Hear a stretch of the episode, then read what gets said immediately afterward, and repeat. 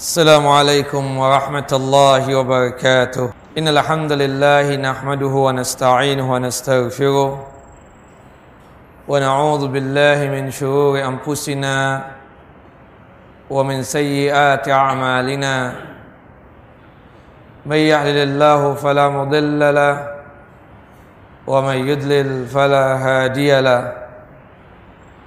أشهد أن لا إله إلا الله وحده لا شريك له وأشهد أن محمدا عبده ورسوله.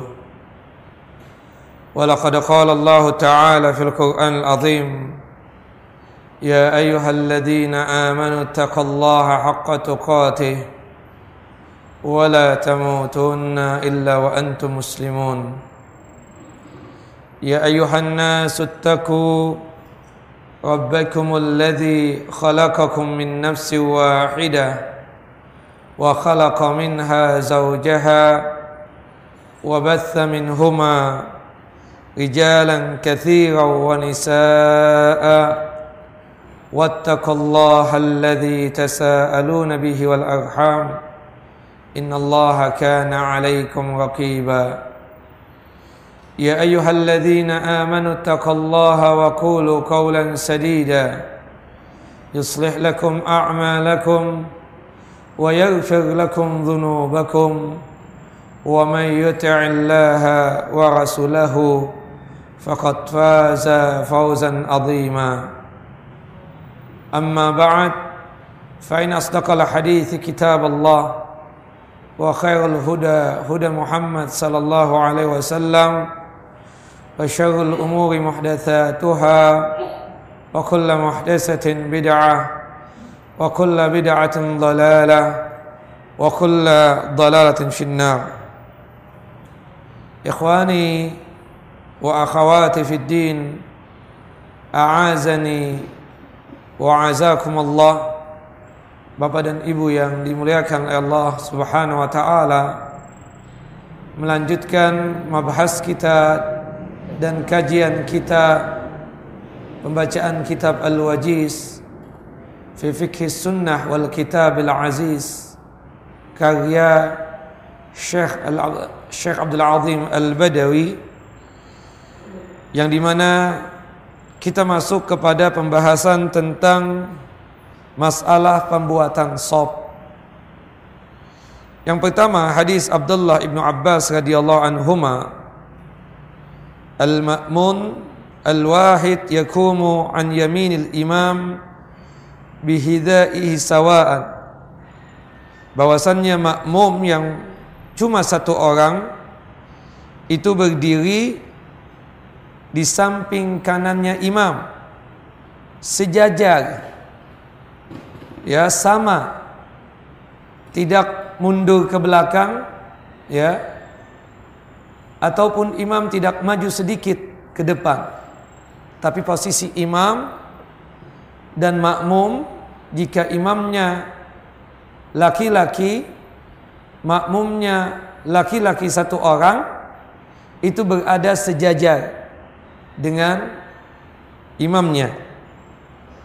Disebutkan dalam hadis Abdullah ibnu Abbas radhiyallahu anhuma semoga Allah meridhai beliau qala berkata bitu fi baiti khalati maimunah.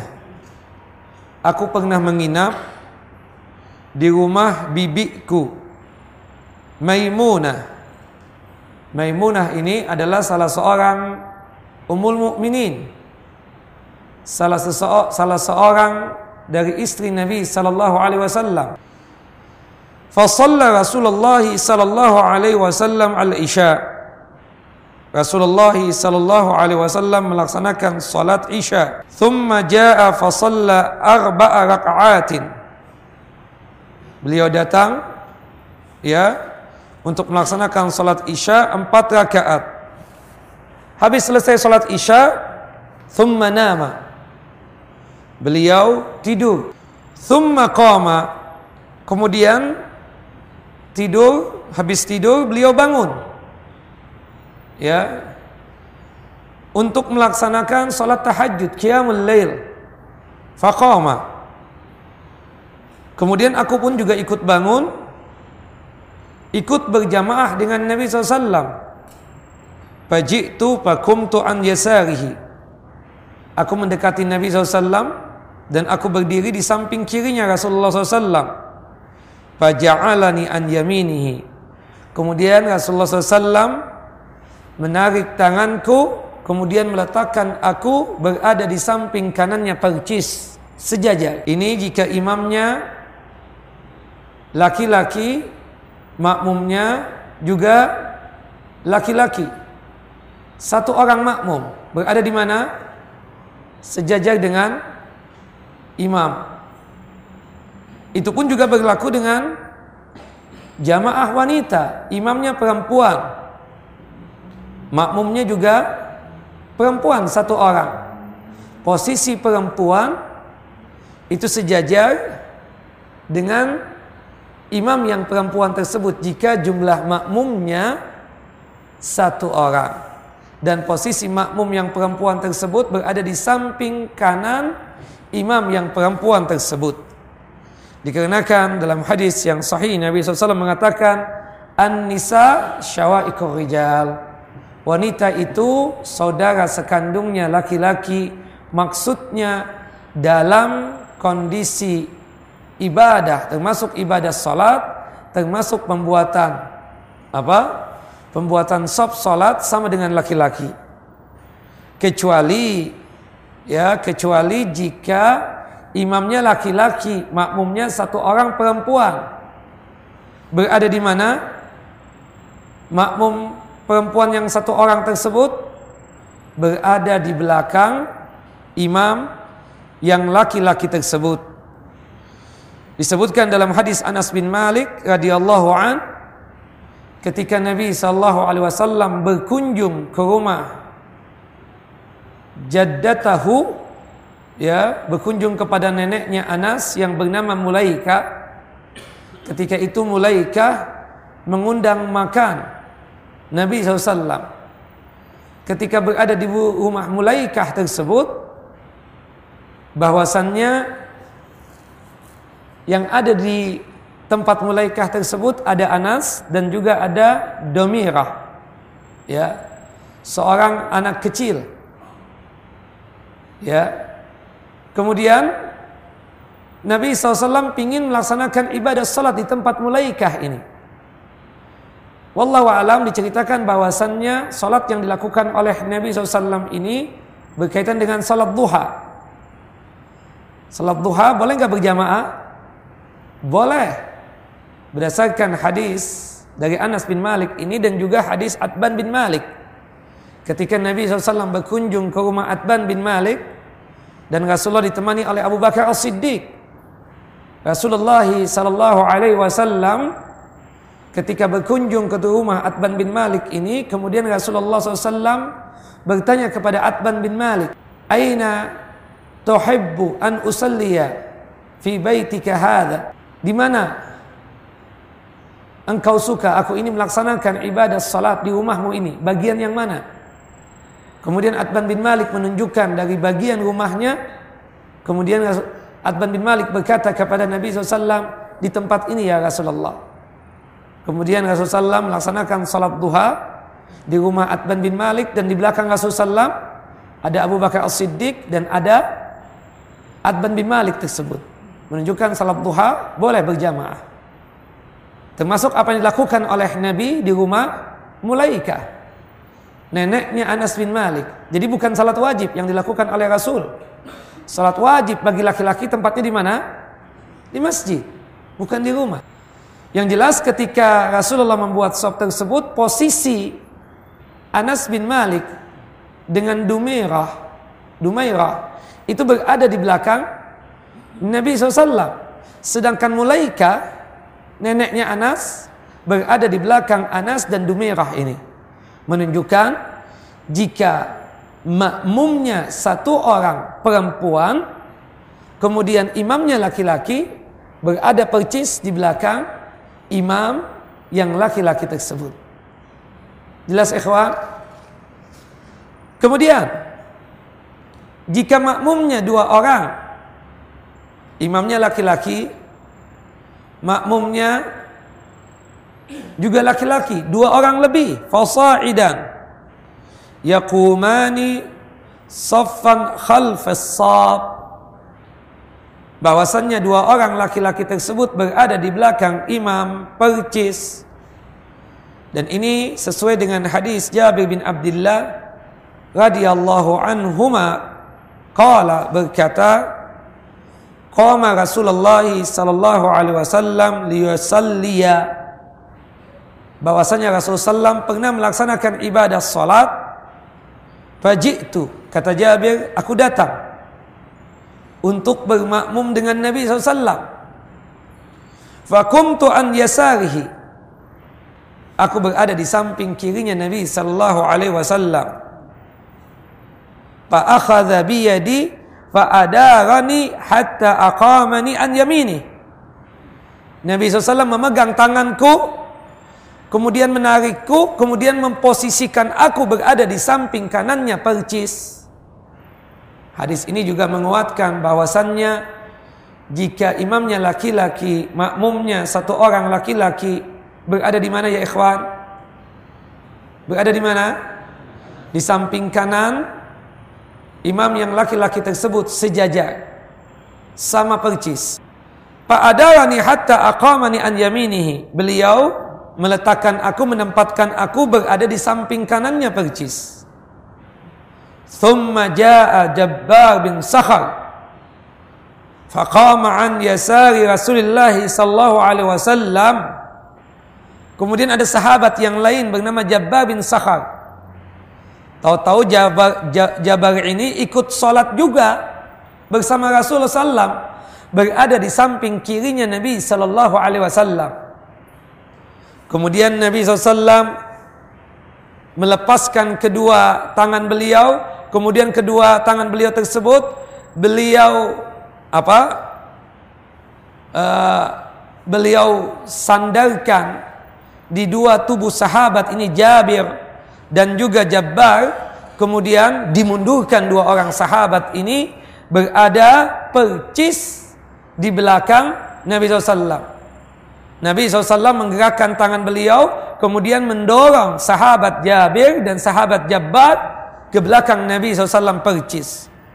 Fa'akhadha bi'aidina. Beliau pegang kedua tangan kami yaitu Jabir dan Jabbar kemudian dimundurkan ke belakang hatta aqamana khalfahu sehingga kami berdua percis berada di belakang Nabi sallallahu alaihi wasallam. Hadis ini sahih dikeluarkan oleh Al-Imam Muslim, Abu Daud dan juga Al-Imam Ibnu Majah. Dan hadis ini disahihkan oleh Syekh Nasiruddin Albani dalam kitab Irwaul Ghalil pada nomor hadis 540.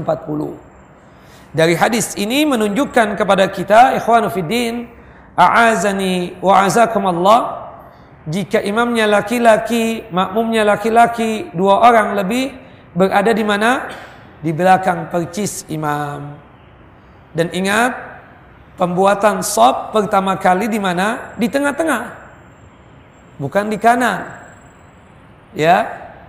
Adapun hadis yang mengatakan pembuatan sop dari kanan itu hadisnya dhaif.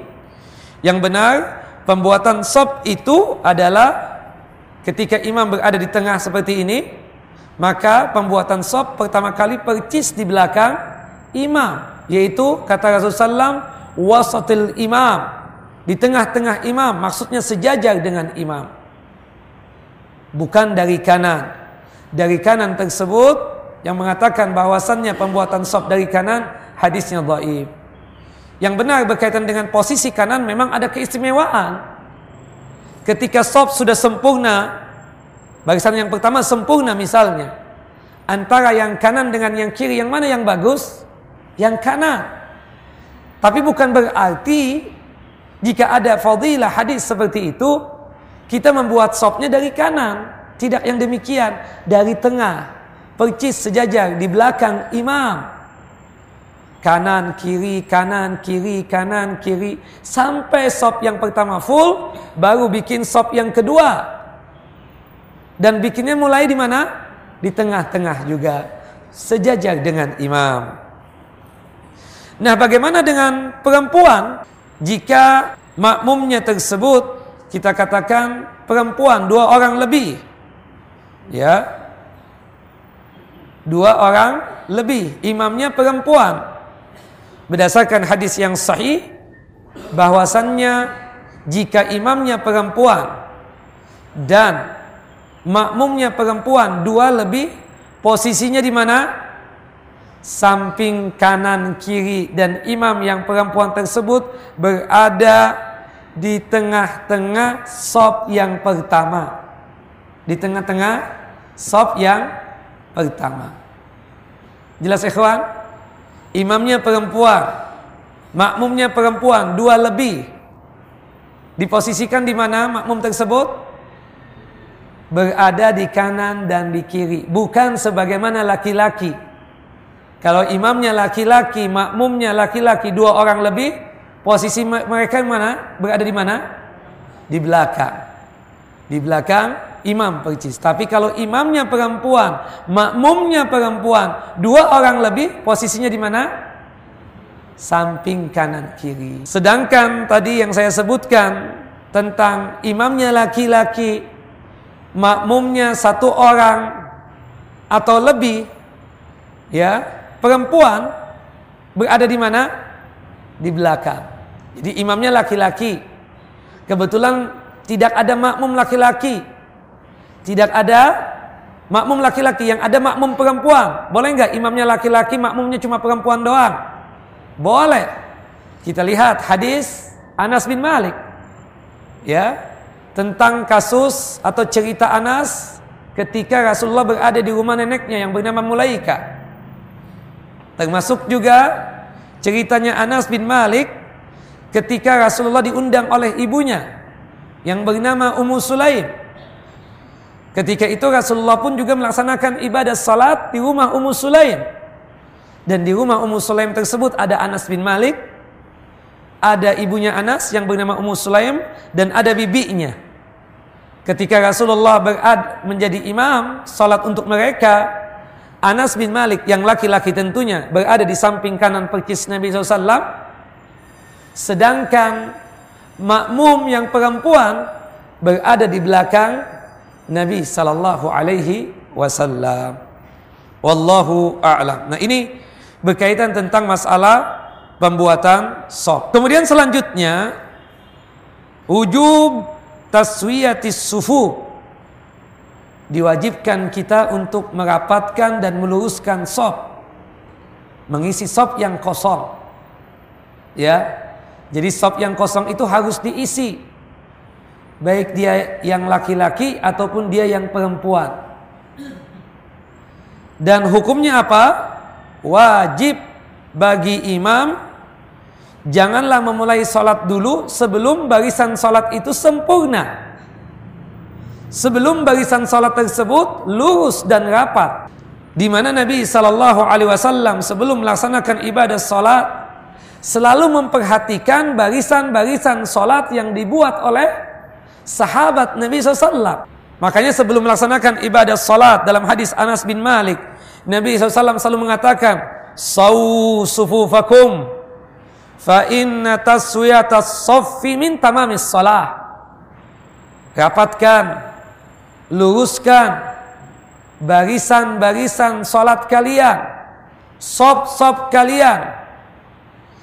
Fa inna taswiyata soffi sesungguhnya sempurnanya lurusnya barisan sop salat min tamamis salat salah satu daripada bagian sempurnanya ibadah salat. Dalam hadis yang lain Nabi sallallahu alaihi wasallam selalu mengatakan, "Istawu wa la takhtalifu."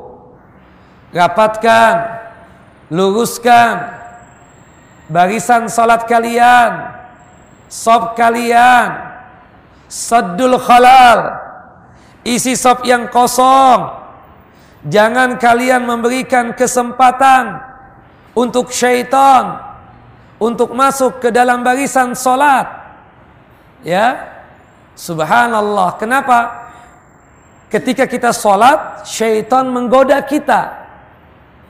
Salah satu bagian daripada godaan syaitan tersebut ketika barisan sop masih renggang, masih ada yang kosong, syaitan masuk ke barisan salat tersebut untuk menggoda Bani Adam. Untuk menggoda manusia yang sedang salat tersebut.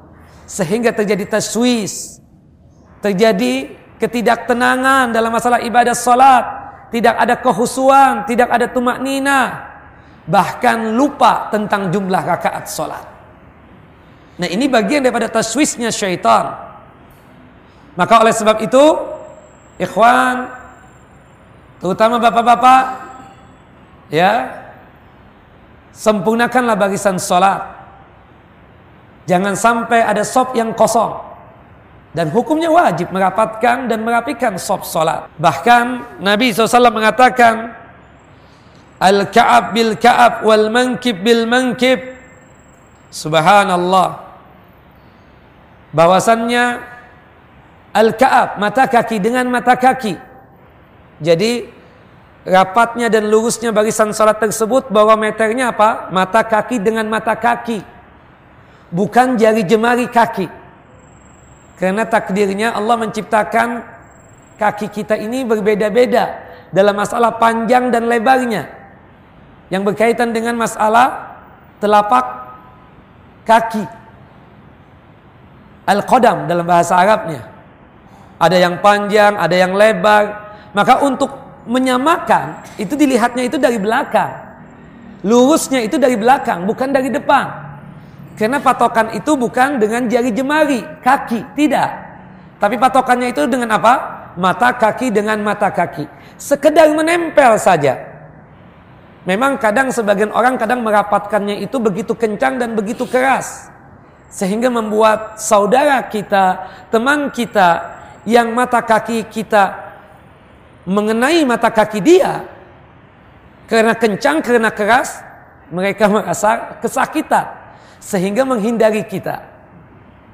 Padahal Nabi SAW mengatakan apa dalam hadis Abdullah ibnu Umar radhiyallahu anhuma, "Aqimus sufu, luruskan barisan-barisan salat kalian.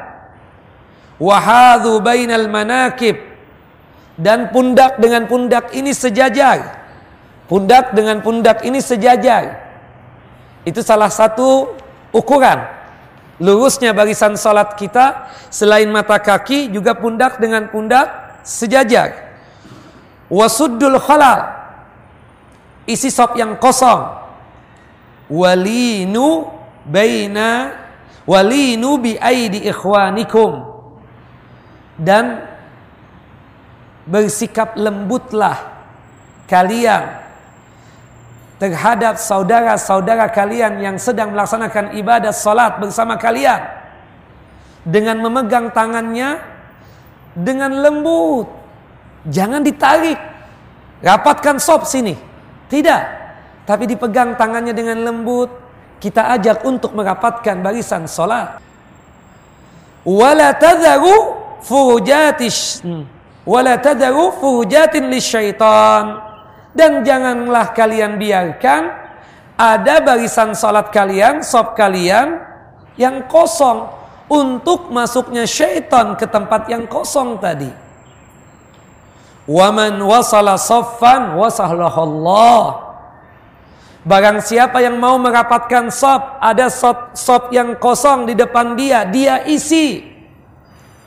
Maka Allah subhanahu wa ta'ala akan menjadikan dia sebagai orang yang apa? Allah akan memberikan hubungan baik dengan dia. Allah akan berikan kebaikan untuk dia. Tapi waman qata'a saffan faqatahallahu. Kalau orang tidak mau untuk merapatkan sop, tidak mau untuk mengisi sop yang kosong, Allah akan memutuskan hubungan baik dengannya. Hati-hati ikhwan, ini ancaman dari Nabi SAW. Orang yang suka mengisi sop yang kosong, merapatkan sop, Allah akan menyambung hubungan baik dengannya. Tapi sebaliknya, orang yang tidak peduli tentang masalah barisan solat, tidak peduli tentang masalah sop solat, ada sop yang kosong di depan dia, bukannya dia masuk untuk mengisi sop yang kosong. Ada sop yang kosong di samping kanan dia, bukannya dia menggeser untuk mendekati imam, tapi malah dibiarkan saja.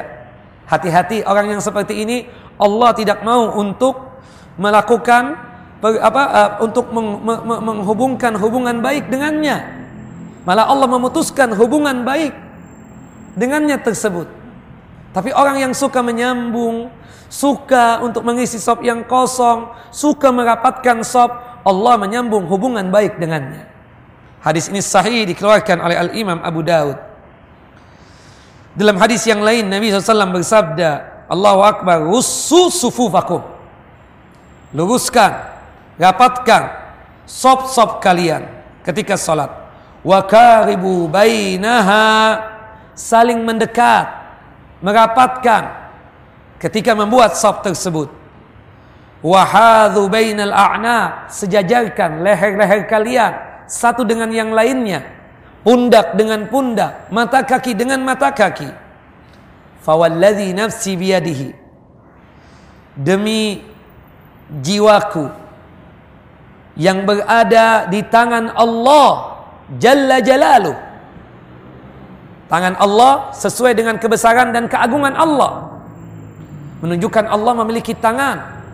Karena Rasulullah mengatakan walladzi nafsi biyadihi dan demi jiwaku yang berada di tangan Allah. Bagaimana tangan Allah? Ya.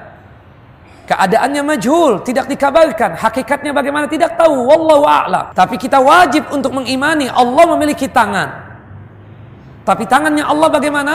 Kita tidak tahu dan kita tidak ada kewajiban untuk mengetahui tentang hakikatnya tangan Allah bagaimana sampai dipikirkan tidak makanya Al Imam Malik ketika ditanya tentang istiwanya Rasul eh, tentang istiwanya Allah bersemayamnya Allah di atas arash Imam Malik menjawab al istiwa ma'lum bersemayamnya Allah di atas aras itu maklum diketahui semayam itu dalam bahasa Arab diketahui.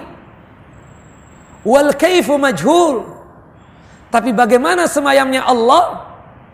Sesuatu yang tidak pernah dikabarkan kepada kita baik dalam Al-Quran ataupun sunnah Nabi SAW.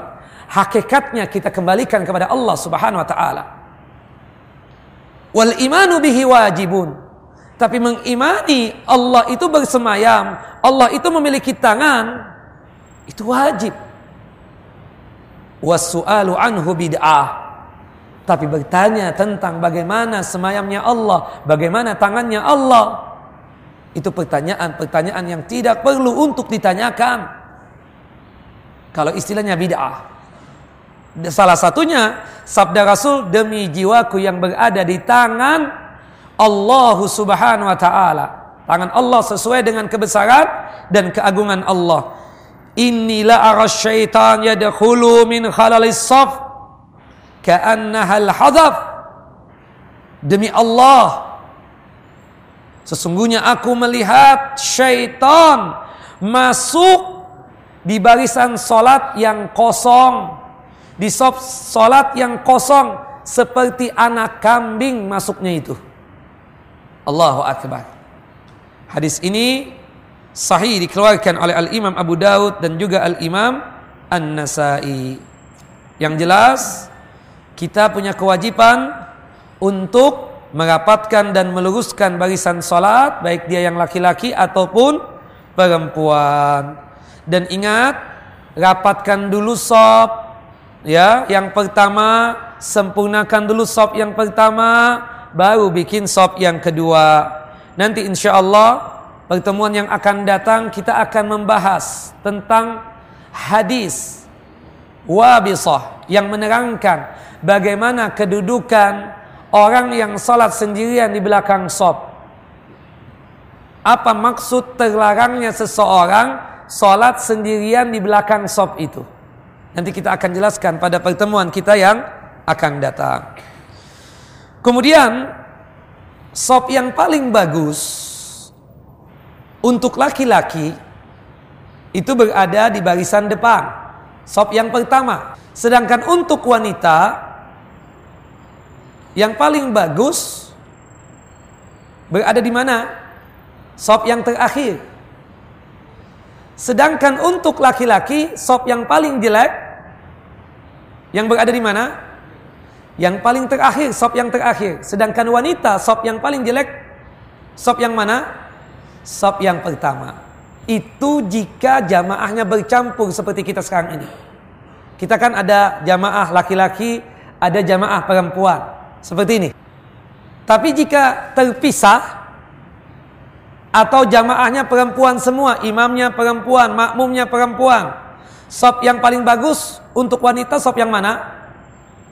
Sop yang pertama. Jika jamaahnya semuanya wanita, imamnya wanita, makmumnya juga wanita.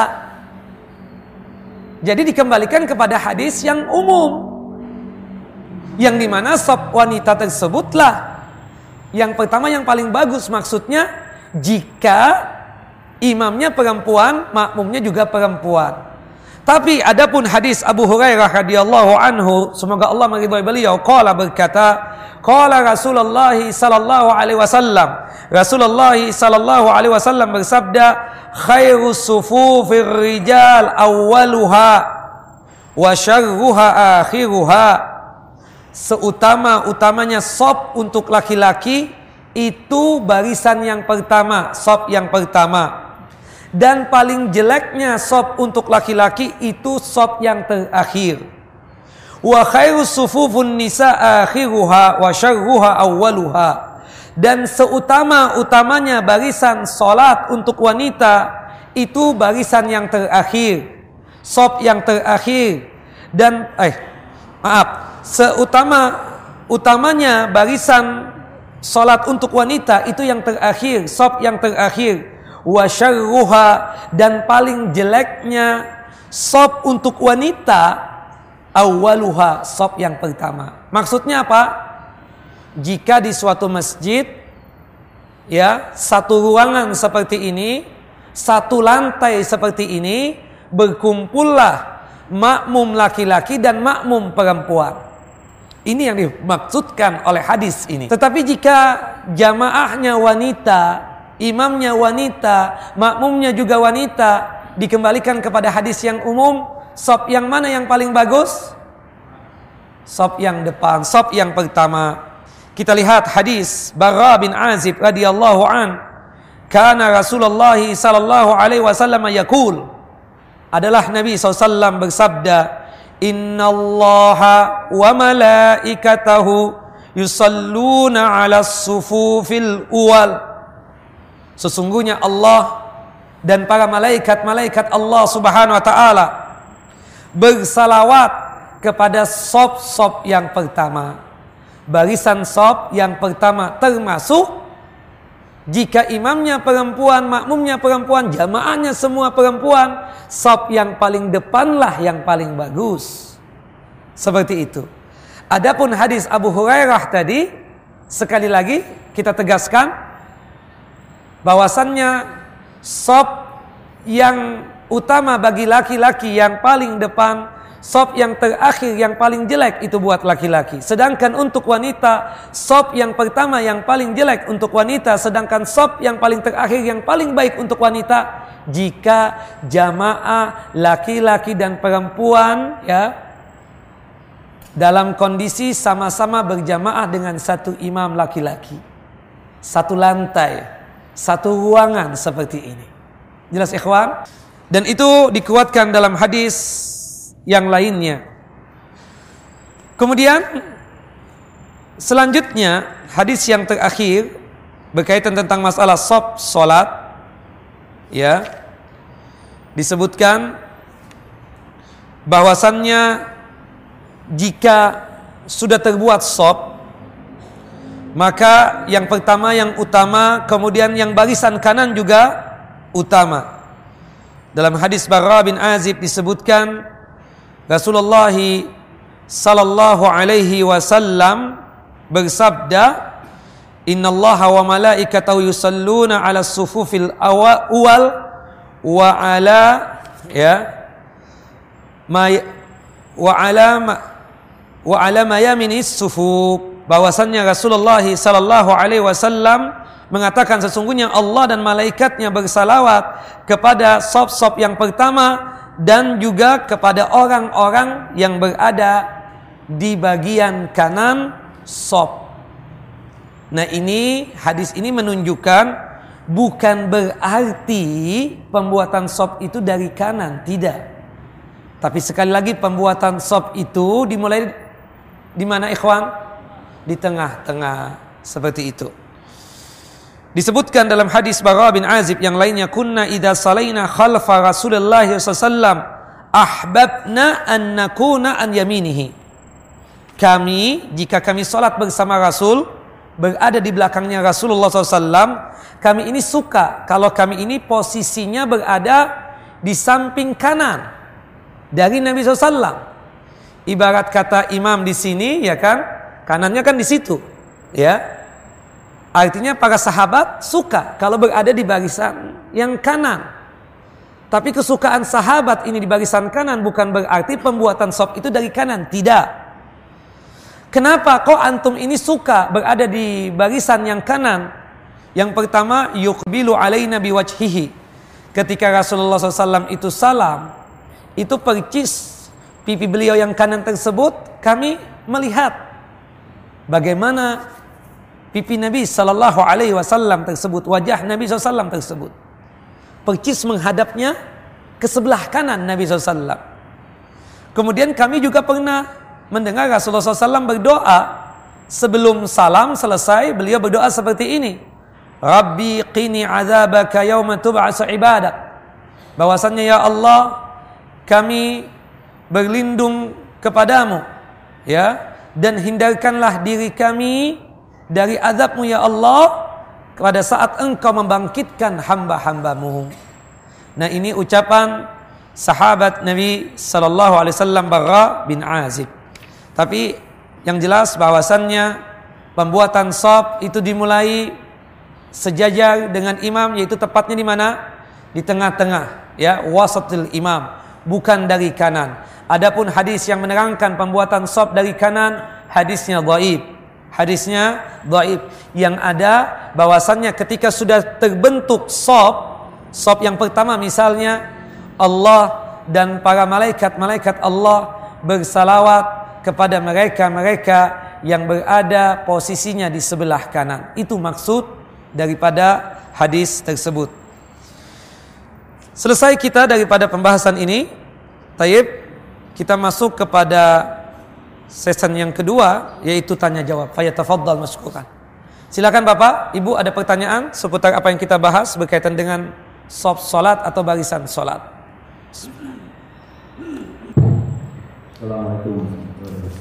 Assalamualaikum. Ustaz eh, di dalam kalau tidak salah dalam Quran itu ada bahwa sholat sudah ditentukan waktunya lah, bukan ditentukan waktunya. Maksudnya di situ dalam surah An-Nisa, surah yang keempat ayat 103, fa aqimus shalah innas salata kanat 'alal mu'minina kitaban mauquta. Bahwasannya tegakkanlah salat dan kerjakanlah ibadah salat tersebut sesuai dengan waktu-waktunya. Yang menjelaskan waktu-waktunya tersebut wajibnya kita melaksanakan ibadah salat yang lima waktu tersebut sesuai dengan waktunya itu siapa yang menjelaskan? Nabi sallallahu alaihi wasallam. Dalam surah Al-Isra Allah menjelaskan menjelaskan tentang waktu-waktu salat tetapi di situ disebutkan tidak secara detail juga. Cuma disebutkan tentang datangnya malam bahwasanya ada salat ini dan salat itu. Tapi yang menjelaskan secara rinci tentang masalah waktu salat siapa? Nabi SAW dalam hadis Jabir dan juga hadis Ummul Mukminin Aisyah radhiyallahu anha. Ya Pak pertanyaannya? Bukan yang ditentukan waktunya itu maksudnya adalah setelah kom setelah azan sebelum koma itulah waktunya bukan itu Ustaz. karena kaitannya kepada eh, apa keutamaan daripada sholat berjamaah. Jadi yang saya mau tanyakan sebenarnya sholat berjamaah jemaah yang pertama selesai setelah itu ada lagi yang kedua. Kedua dan ketiga dan selanjutnya. Iya Artinya pengertiannya kan berarti mana yang yang disebutkan agama yang sebenarnya itu yang mana? Yang kedua, tiga boleh semua atau hanya yang pertama? Enggak. Tafsiran dari bahwasannya itu mengatakan bahwasannya itu waktu yang pertama tentang ayat 103 itu dari mana? Karena kaitannya Enggak dari mana antum dapat itu? saya pernah dengar dari Dengar kan? Artinya interpretasi beliau, penafsiran beliau, tapi yang berkaitan dengan situ Allah mengatakan apa? Faqimus salat inna salata kanat alal mu'minina kitaban mauquta. Sesungguhnya orang mukmin itu wajibnya melaksanakan salat yang lima waktu tersebut wajibnya kitaban mauquta. Kitaban itu maksudnya kewajibannya itu kapan? Ketika waktunya sudah masuk. Zuhur sekarang wajib nggak kita? Sekarang ini, ini kan subuh ini. Belum. Kita sholat zuhur sekarang juga nggak dianggap sama Allah yang ada dosa. Karena waktunya belum tiba. Karena zuhur itu dimulai sebagaimana yang disebutkan dalam hadis Jabir ketika malaikat Jibril datang ketika zawal tergelincirnya matahari. Ketika tergelincirnya matahari, masuklah waktu zuhur. Sekarang jam 12 kurang eh, berapa? 16 menit ya. Kemudian ketika bayangan suatu benda panjang dan lebarnya sama dengan benda tersebut, berakhirlah waktu zuhur dan masuklah waktu asar. Kemudian berakhirnya waktu asar ketika tenggelam matahari.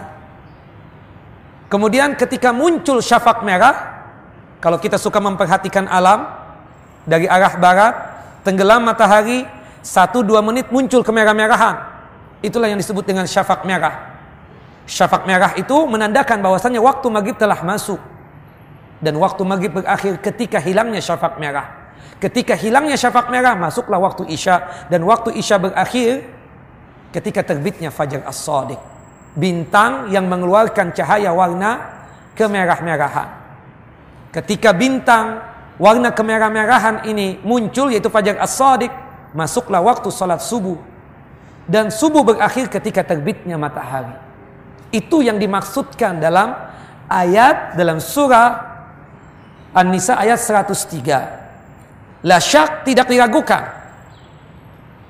Yang utama dalam masalah mengerjakan ibadah salat itu di awal waktu. Siapa yang menerangkan?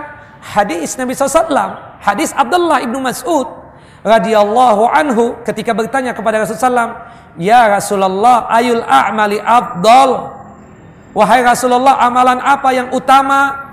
Dalam hadis yang lain disebutkan, Abdullah bin Mas'ud bertanya, "Ayul amali ahabu ilallah?" Amalan apa yang paling dicinta dan paling disuka oleh Allah Subhanahu wa taala? Faqala sallallahu alaihi wasallam, "As-salatu ala waqtiha." Ya, as-salatu ala waqtiha itu penafsirannya ada dua. Ada mengatakan salat sebagaimana waktunya. Artinya selama masih ada waktu, salatlah. Ada juga yang mengatakan bahwasannya di situ Salat di awal waktu on time.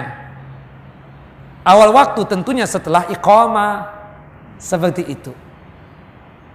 Adapun berkaitan tentang masalah kalau sudah selesai jamaah yang kedua ya jamaah yang pertama boleh nggak kita mengadakan jamaah lagi di masjid yang sama? Ada khilaf di kalangan para ulama. Ada yang membolehkan, ada yang tidak. Tapi saya memilih yang membolehkan berdasarkan hadis ketika ada seorang sahabat yang datang ke masjid terlambat salat subuhnya terlambat salat subuhnya dia bingung berjamaah dengan siapa. Kemudian Rasulullah mengatakan kepada makmum yang sudah salat tersebut man yatasaddaq ala hadha rajul? Siapa yang ingin bersedekah dengan laki-laki ini? Maksudnya menemani berjamaah. Pertanyaan saya itu jamaah kedua enggak? Jamaah dikatakan jamaah salat paling sedikitnya makmumnya ada berapa orang satu orang, jamaah tidak? Jamaah. Khalas. Oh enggak saat sholatnya nanti masing-masing. Bayangkan kalau kita 100 orang masing-masing-masing. Atau misalnya, oh sholatnya nanti di rumah saja. Loh kita kita lewat masjid ini. Rumah kita di Duren Sawit. Kalau kita misalnya dari sini saja ke Duren Sawit yang agak jauhan misalnya. Terlambat sholat kita. Nah, dari sinilah kita mengatakan bahwasannya sah salat jamaah yang kedua tersebut. Dan ulama yang melarang pun tidak pernah mengatakan bahwasannya jamaah yang kedua itu gak sah salatnya, sah salatnya. Salatnya sah. ya sholatnya sah. Yang jelas bahwasannya memang ini ada khilaf tapi saya memilih yang membolehkan. Ada khilaf di antara ulama tentang masalah yang demikian. Tapi dari hadis tadi ya sangat kuat sekali bahwasannya bolehnya untuk mengadakan jamaah yang kedua.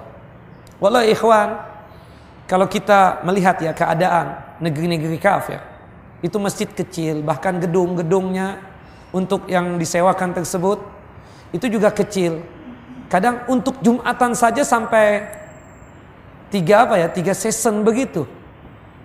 Ya, Jumatan jam sekian, jam sekian. Untuk waktu yang sekian. Karena masjidnya kecil banget. Kalau keluar nggak boleh. Kalau di Indonesia kan enak, Masya Allah ini negeri. Hatta ke, ke jalan raya juga boleh. Tapi kalau di tempat negeri kafe nggak boleh. Hatta adan nggak boleh keluar. Kemudian sholat nggak boleh, di halaman nggak boleh. Kalau nggak ditangkap polisi, polisi datang nanti. Seperti itu. Ya kan artinya subhanallah kita katakan jangan sampai kita ini ketika melihat hukum seperti apa ya kacamata kuda itu loh. Oh ini enggak. Dan juga dalilnya apa yang melarang itu apa? Ya, Adapun ada hadis yang mengatakan la tusallu as-salata maratain. Janganlah kalian salat yang sama dua kali. Maksudnya ada orang yang syak dan ragu akan salatnya. Misalnya salat subuh. Dia merasa nggak mantap salat subuhnya. Selesai salam, oh dia ingin ulangi salat subuhnya. Itu yang tidak boleh. Itu yang tidak boleh. Artinya dia sudah salat ya sudahlah. Boleh dia mengulangi salatnya ketika dia ingin menemani orang yang berjamaah dengan dia tersebut. Wallahu alam. Itu kira Pak. Ya Bapak. Ini dulu silakan.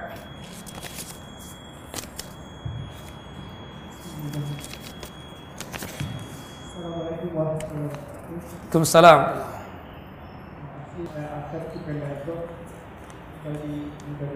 Saya tanyakan uh, tadi, berarti selama ini saya keliru untuk stop ya. Uh, saya biasanya kalau berdua ataupun datang jika ada yang sholat misalnya di kampus tidak ada satu orang yang sholat terus saya datang saya kanannya tapi agak belakang iya setelah uh, ini saya tahu kalau saya di sampingnya sejajar ya hadis Abdullah ibnu Abbas dan juga hadis dari Jabir bin Abdullah dan juga termasuk hadis Anas bin Malik radhiyallahu an. Alhamdulillah. ketika uh, saya yang pertama berarti saya langsung di sampingnya. Sejajar percis. Saya jadi imam, antum masuk nih. Atau kita berdua-dua sama masuk ke masjid ini, kita sholat berjamaah, Antum sejajar, nggak mundur ke belakang tidak, imam juga tidak maju ke depan sedikit tidak, tapi sejajar percis. Berdasarkan tiga hadis, pertama hadis daripada Jabir bin Abdullah, yang kedua hadis Abdullah ibnu Abbas, yang ketiga hadis Anas bin Malik radhiyallahu an ketika berada di rumah ibunya Rasul apa ibu ibunya Anas bin Malik. Ketika ada Ya, dia datang. Antum mundur ke belakang. Berdasarkan hadis dari Jabir bin Abdullah, kasusnya tadi siapa? Jabir salat bersama Rasul. Ya, awalnya dia di sebelah kiri, kemudian diputar oleh Nabi SAW berada di samping kanan. Kemudian datang Jabbar bin Sahar berada di samping kiri. Rasulullah menurunkan kedua tangannya tersebut, kemudian mendorong mereka ke belakang berdua. Jelas?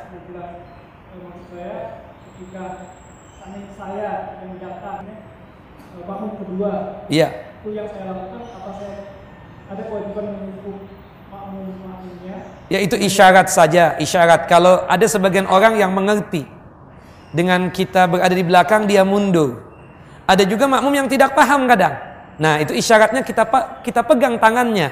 Sebagaimana Rasulullah tadi kan ketidakpahaman sahabat Abdullah ibnu Abbas, ketidakpahaman sahabat Jabir, ketidakpahaman sahabat Jabbar. Rasulullah menurunkan tangannya enggak? Ini kan isyarat. Iya kan seperti itu. Termasuk nih orang teman kita kok nggak paham-paham. Saya sudah berada di belakang kok dia nggak mundur-mundur. Kita pegang tangannya dengan lemah lembut. Kemudian kita tarik ke belakang. Seperti itu. Allah a'lam. Itu isyarat saja. Ya, ada orang yang kadang dengan tepukan seperti itu. Kalau kita berbicara dalil tidak, cuma isyarat saja itu. Dan itu disebutkan oleh ulama. Ya, artinya isyarat dengan tangan. Yang tidak benar itu menepuknya dengan kencang. Itu bercanda namanya. Kan kata Rasulullah walinu bi aidi ikhwanikum. Ketika memegang tangan saudara kalian itu dengan lemah lembut seperti itu. Jelas? Ya. Ya Allah, udah yang tua dulu kesian. Nanti ini sudah suruk masalahnya. Ya silakan Pak. Terima kasih Ustaz. Nama saya Doni. Yap. Uh, pertanyaannya agak teknis. Jadi yang pertama adalah uh, laki-laki dan wanita sejajar. Kami melihat di beberapa masjid besar itu mereka sejajar. Bagaimana? Itu yang pertama. Lalu yang kedua, pada barisan saf itu anak-anak, posisi anak-anak. Kita kan sering bawa anak-anak ke masjid, lalu bagian dari saf itu. Iya. Ya, bagaimana posisi? Apakah memutuskan saf kita, ataukah memang termasuk dalam bagian dari saf itu? Lalu yang ketiga, pertanyaan kami adalah, eh, oh tadi pertanyaan berjamaah berdua saya kira dijawab. Kalau pertanyaannya menyambung mengenai masbuk tadi, ya jadi ada eh, salat berjamaah di saat pertama, lalu ada yang terlambat datang, lalu mereka berkurang dua rakaat datang seperti itu. Ada beberapa orang. Apakah kemudian eh, kita akan membuat saf baru, ataukah eh, jamaah yang tertinggal tadi ya, menyelesaikan rakaatnya sampai selesai sendiri-sendiri? Ya. Itu pertanyaan. Terima kasih. Assalamualaikum warahmatullahi wabarakatuh. Yang pertama yang terjadi banyak di masjid-masjid Sop barisan laki-laki dengan sop perempuan itu menyambung. Ya misalnya di masjid inilah, misalnya. Ya sebelah kanan untuk laki-laki, sebelah kiri untuk perempuan misalnya. Nah kalau itu tidak ada batasan, tidak ada batasan, tidak ada tembok misalnya, itu tidak boleh. Langsung seperti ini, nggak boleh. Yang sempat di, jadi polemik kan ketika sholat id di Simpang Lima ya, Semarang itu bercampur antara sop laki-laki dengan perempuan, itu tidak boleh. Apalagi kejadiannya itu lebih menyeramkan. Laki-laki di belakang, perempuan di depan. Ini lebih nggak boleh. Kalau toh misalnya, misalnya ini sejajar ini harus ada batasan. Harus ada batasan yang rapat. Tapi tetap bagusnya itu bagusnya bagaimana? Sop perempuan itu di belakang. Sop perempuan di belakang. Atau cara yang kedua, kalau misalnya dua lantai. Lantai yang pertama untuk laki-laki, lantai yang kedua untuk perempuan. Maka itu lebih bagus seperti itu. Nah itu kan terpisah tersendiri, nggak ada masalah. Yang tidak boleh sama sekali sejajar, nggak ada batasan apa-apa, bahkan bisa tengok-tengokan, bisa lihat-lihatan, itu yang tidak boleh. Lebih bagus perempuan tersebut diposisikan di belakang. Kembali kepada hukum asal. Kita lihat Nabi SAW menjadikan wanita itu berada di mana? Di barisan sop laki-laki. Itu yang yang sunnah, yang ideal, yang utama seperti itu. Jelas Bapak? Ya. Yang jelas membuat sholat orang terganggu ketika dalam satu sop itu samping kanan kirinya ada laki-laki. Itu jelaslah. Seperti itu tidak boleh. Yang kedua tentang wanita, tentang anak kecil, maaf. Anak kecil kita katakan diposisikan yang mana? Nah, sebenarnya yang paling pantas berada di belakang imam percis siapa? Orang-orang yang berilmu, orang-orang yang mengerti. Liyalini minkum ulul ahlam wan nuha. Hendaknya yang berada di belakang kopercis tersebut adalah orang-orang yang memiliki ilmu dan memiliki pemahaman yang benar. Summal yalunahum, summal yalunahum. Kemudian baru orang-orang setelah mereka. Ya. Banyak di antara kita kadang karena dia pemimpin berada di belakang percis ya kan? Imam. Padahal tidak mengerti apa-apa tentang masalah hafalan Quran dan seterusnya tentang masalah hukum sholat tidak mengerti. Maka pada saat itu sebenarnya tidak boleh diposisikan di belakang imam percis kenapa? Khawatirnya imamnya batal. Kalau imamnya batal kan siapa yang berhak untuk menggantinya? Yang di belakang percis seperti itu. Jelas bapak nah anak-anak kecil berhubung mereka bukan kebanyakan apalagi di zaman kita sekarang ini bukan orang yang mengerti kan maka diposisikan ya di belakang. Boleh di depan, bukan tidak boleh, boleh di depan. Tapi ingat, kalau kita panitia masjid ini, di KM masjid, usahakan anak itu jangan jadi satu kelompok, satu grup. Biasanya kalau sudah satu grup anak-anak, ya bercanda. Maka lebih bagus yang bawa anak ke masjid ya sama bapaknya lah. Ya, atau kalau apa jika seandainya anak-anak itu datang sendiri tanpa ayahnya, ayahnya masih di jalan misalnya, maka anak-anak itu dipisah. Dipisah masing-masing di antara kita yang sholat, yang sudah dewasa, yang sudah balik mengawasi anak-anak tersebut sehingga tidak bercanda mereka. Tapi yang saya perhatikan jika anak-anak itu dikumpulkan satu sop, nah itu pasti di antara mereka ada yang bercanda. Di antara mereka ada yang bercanda. Kalau satu saja bercanda, semuanya akan bercanda nanti. Itu kira. Yang ketiga tadi apa Pak? Masbuk dua hmm. orang. Bapak misalnya masbuk. Tertinggal dua rakaat, disempurnakan. Saya masuk begitu. Boleh nggak saya menjadikan Bapak imam gitu? Itu yang Bapak maksudkan? Bisa seperti itu. Ada juga yang ada dua tiga orang ada dua, ah, misalnya tiga orang masuk, dia masbuk sama-sama dua rakaat misalnya. Kemudian setelah itu, setelah imam salam, dia menjadikan salah seorang di antara mereka bertiga tadi jadi imam, begitu? Ya, ya nggak boleh pak, nggak boleh. Karena imamnya imam yang pertama tadi. Kalau mereka misalnya tiga orang masuk, kemudian dia merasa dua apa masbuknya juga sama dua rakaat, kemudian salah seorang di antara mereka maju ke depan untuk menjadi imam, ini membatalkan imam yang pertama dan ini tidak boleh. Tidak boleh masing-masing di antara sahabat dulu ada yang masbuk. Masing-masing mereka mensempurnakan ibadah salat mereka tersebut. Wallahu a'lam. Taib. Satu, dua, siapa lagi? Tiga. Taib cukup ya. Silakan yang tua dulu. Assalamualaikum warahmatullahi wabarakatuh. Assalamualaikum warahmatullahi wabarakatuh. Yep kita terlambat di imam sudah sujud terakhir. Iya.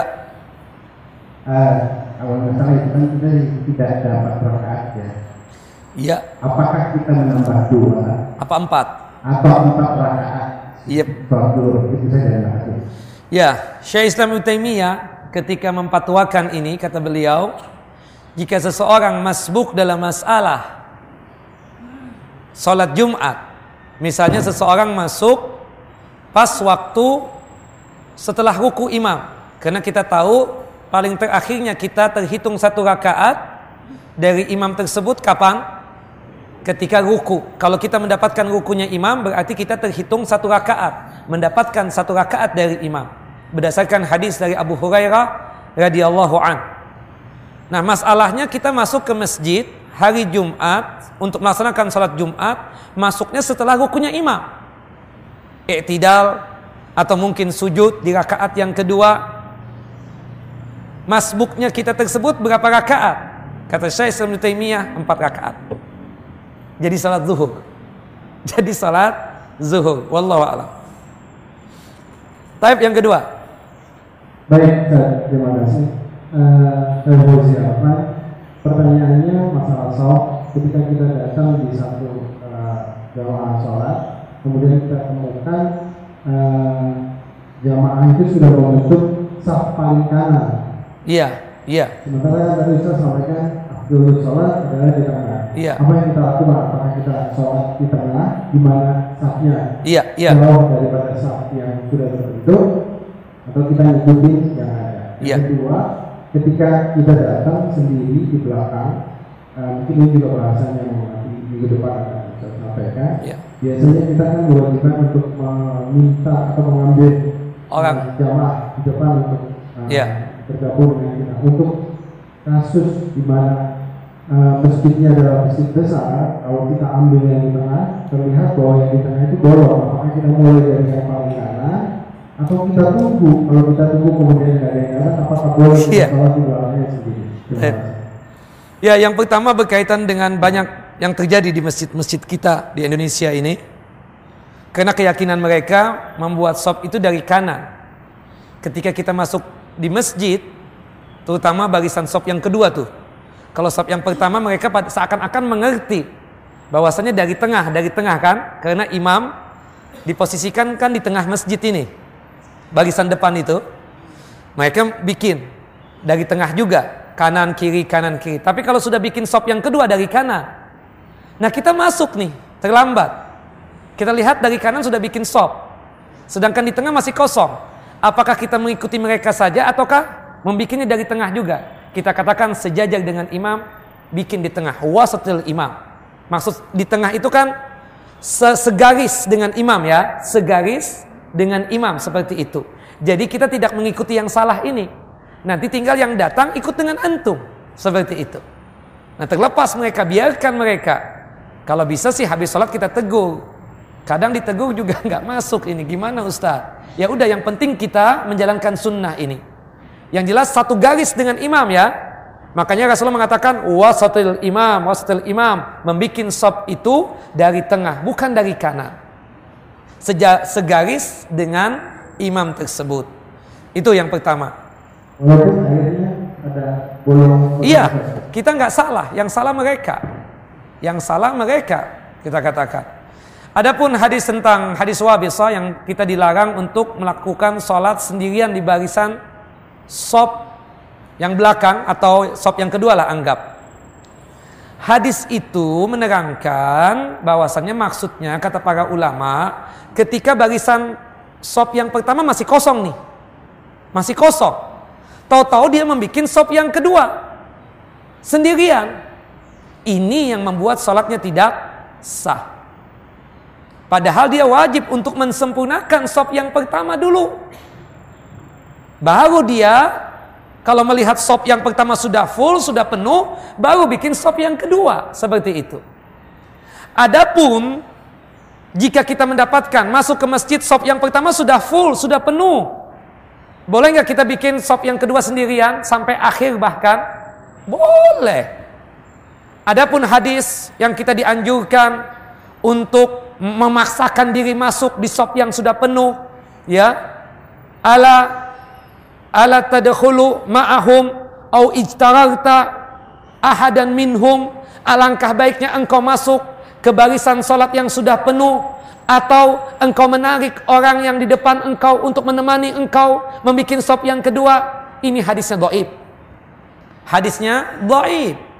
Ya jadi kalau seandainya di sop yang di depan kita itu sudah penuh, ya kita bikin sop yang selanjutnya. Meskipun seorang diri tidak menunggu siapa yang datang, tidak. Kemudian kalau kita menarik orang yang di depan untuk menemani kita membuat sop yang kedua misalnya. Yang dia langgar apa? Bukankah Rasulullah mengatakan apa tadi? Sadul khalal, isi sop yang kosong. Kalau nih orang mundur, sop di depan kosong nggak? Kosong. Berarti melanggar hadis yang sahih. Yang kedua hadisnya dhaif. Yang ketiga taswis, mengganggu orang. Loh nih si fulan, si Arfan kok mundur nih? Ya kan kita terganggu. Kalau batal nggak ada masalah. Kemudian yang abdul sop yang pertama ataukah sop yang kedua? Ya. Yang pertama, kok bisa-bisanya dia mencari yang mabdul, yang tidak utama? Mundur ke belakang. Nah, ini kan lucu kita katakan. Yang jelas hadis yang menarik itu hadisnya apa? Dhaif. Insya Allah pertemuan yang akan datang kita akan lebih jelas lagi untuk menjelaskannya. Tapi terakhir, ya Bapak. Waalaikumsalam warahmatullahi wabarakatuh. Pertanyaan saya berkaitan mau menyambung pada Bapak tadi. Yang tiga di antaranya masuk ke Yep. rakaat, tinggal dua rakaat. Nah, kalau tadi kan eh, ketiga-tiganya ke sholat masing-masing. Kemudian Ada orang lain. ada orang lagi yang masuk Ustaz. Yang masuk ini menentuk salah satu dari tiga ini untuk menjadi imam. Iya. Bagaimana hukumnya apakah itu digunakan atau tidak? Iya. Yang kedua, kita tahu kalau setiap seutamanya sholat ya staf yang paling depan yang diutamakan. Bila mana staf yang pertama tersisa untuk satu orang, kemudian kita datang berdua yang masuk, apakah boleh saya menemani? Nah, kalau saya saya sendiri, berarti kan saya memenuhi staf yang pertama. Yang satu lagi, tapi kan dia seorang diri eh, di belakang yang pertama. Boleh nggak saya menemani dia, tidak mengisi yang pertama, tapi saya menemani dia di staf yang kedua. Padahal sop yang pertama kosong. Sisa satu, Antum masuk. Masuk kan tadi full kan dulu. Kalau perlu antum berebut dengan dia. Saya pingin sop yang pertama. Ini kadang monggo silahkan pak, silahkan. Kalau makanan nggak ada masalah. Antum silahkan yang tua. Cuma kalau masalah sop, ah, kita rebutan deh. Kalau seandainya diundi kata Rasulullah SAW, sahabat itu mau untuk diundi siapa sop yang terdepan. Makanya sawu wasudul khalal. Rapatkan, luruskan sop kalian dan isi sop kalian yang kosong. Meskipun kita berdua, berdua ini masuk. Kita lihat, oh ada yang kosong. Kita masuk di sop yang kosong. Teman kita saat kesian. Lah, nggak ada yang kesian. Karena sudah full sop yang pertama, dia bikin sop yang kedua. Bolehkah seperti itu? Boleh. Meskipun seorang diri. Adapun hadis wabisah larangan membikin sop sendirian itu apa tadi sekali lagi? Jika kita mendapatkan sop di depan kita masih kosong. Bukannya diisi sop yang kosong tersebut, malah dia bikin sop yang selanjutnya. Itu yang tidak boleh. Jelas Pak? Pertanyaan yang pertama tadi, yang tadi tiga orang, datang satu orang atau rombongan yang lain. Boleh nggak kita tersebut untuk menjadikan mereka untuk menjadi makmum, atau menjadi imam? Di sini ada khilaf di kalangan para ulama ahsannya. Kalau jumlahnya banyak pak, tiga, empat atau lima orang, kita katakan bikin jamaah sendiri lagi. Seperti itu. Jangan mengganggu mereka yang sedang sholat ini. Ya kan? Jangan mengganggu mereka yang sedang sholat ini. Hatta dia sendirian pun bikin gak ada masalah. Karena tidak didapatkan satu hadis ya. Sahabat masbuk. Kemudian ada lagi yang datang masbuk. Ya, kemudian menepuk nih yang yang masbuk-masbuk ini tidak didapatkan. Meskipun kita katakan ada ulama yang berkomentar tentang masalah yang demikian. Allahu a'lam. Tapi ahsannya apa? Bikin jamaah baru daripada dia ikut yang masbuk-masbuk ini. Wallahu a'lam. Baik. Di sini ada pertanyaan, saya pernah dengar bahwa ada orang yang menjadi makmum pada salat berjamaah tapi makmum orang tersebut membatalkan salatnya karena sang imam salah atau tidak sempurna bacaan seperti Al-Fatihahnya. Apakah itu dibolehkan atau apakah tetap mengikuti sampai selesai? Kita jelaskan.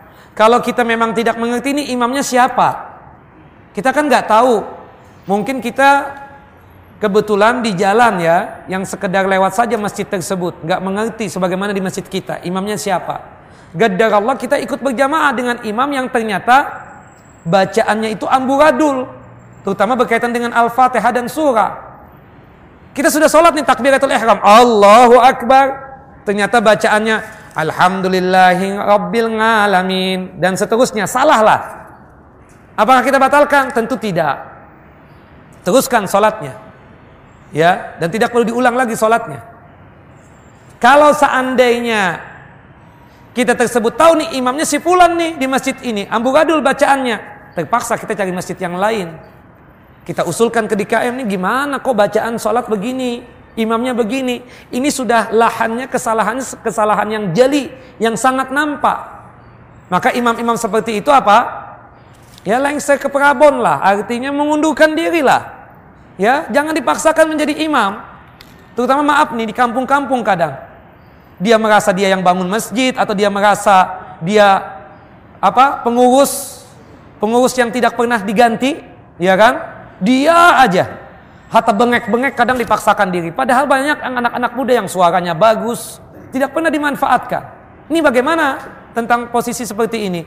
Ya kita nggak bisa mengikuti imam yang bacaannya itu salah. Tapi kalau seandainya sudah masuk kita, eh ternyata imamnya itu bacaannya amburadul. Kita tidak mungkin membatalkan. Teruskan salatnya seperti itu. Wallahu a'lam. Ini kasus berkaitan dengan sholat id di tempat kami. Ya, ketika makin ke belakang, sop-sop itu berliku-liku seperti ular dan sopnya tidak rapat karena sejadahnya lebar-lebar. Nah ini, ini kesalahan penitia ini. Seharusnya kan penitia sholat id tersebut memperhatikan tentang bagaimana kesempurnaan sholat. Yang kedua juga kalau kita sudah mengerti, kita ajak Pak, menggeser Pak, merapat Pak. Seperti itu.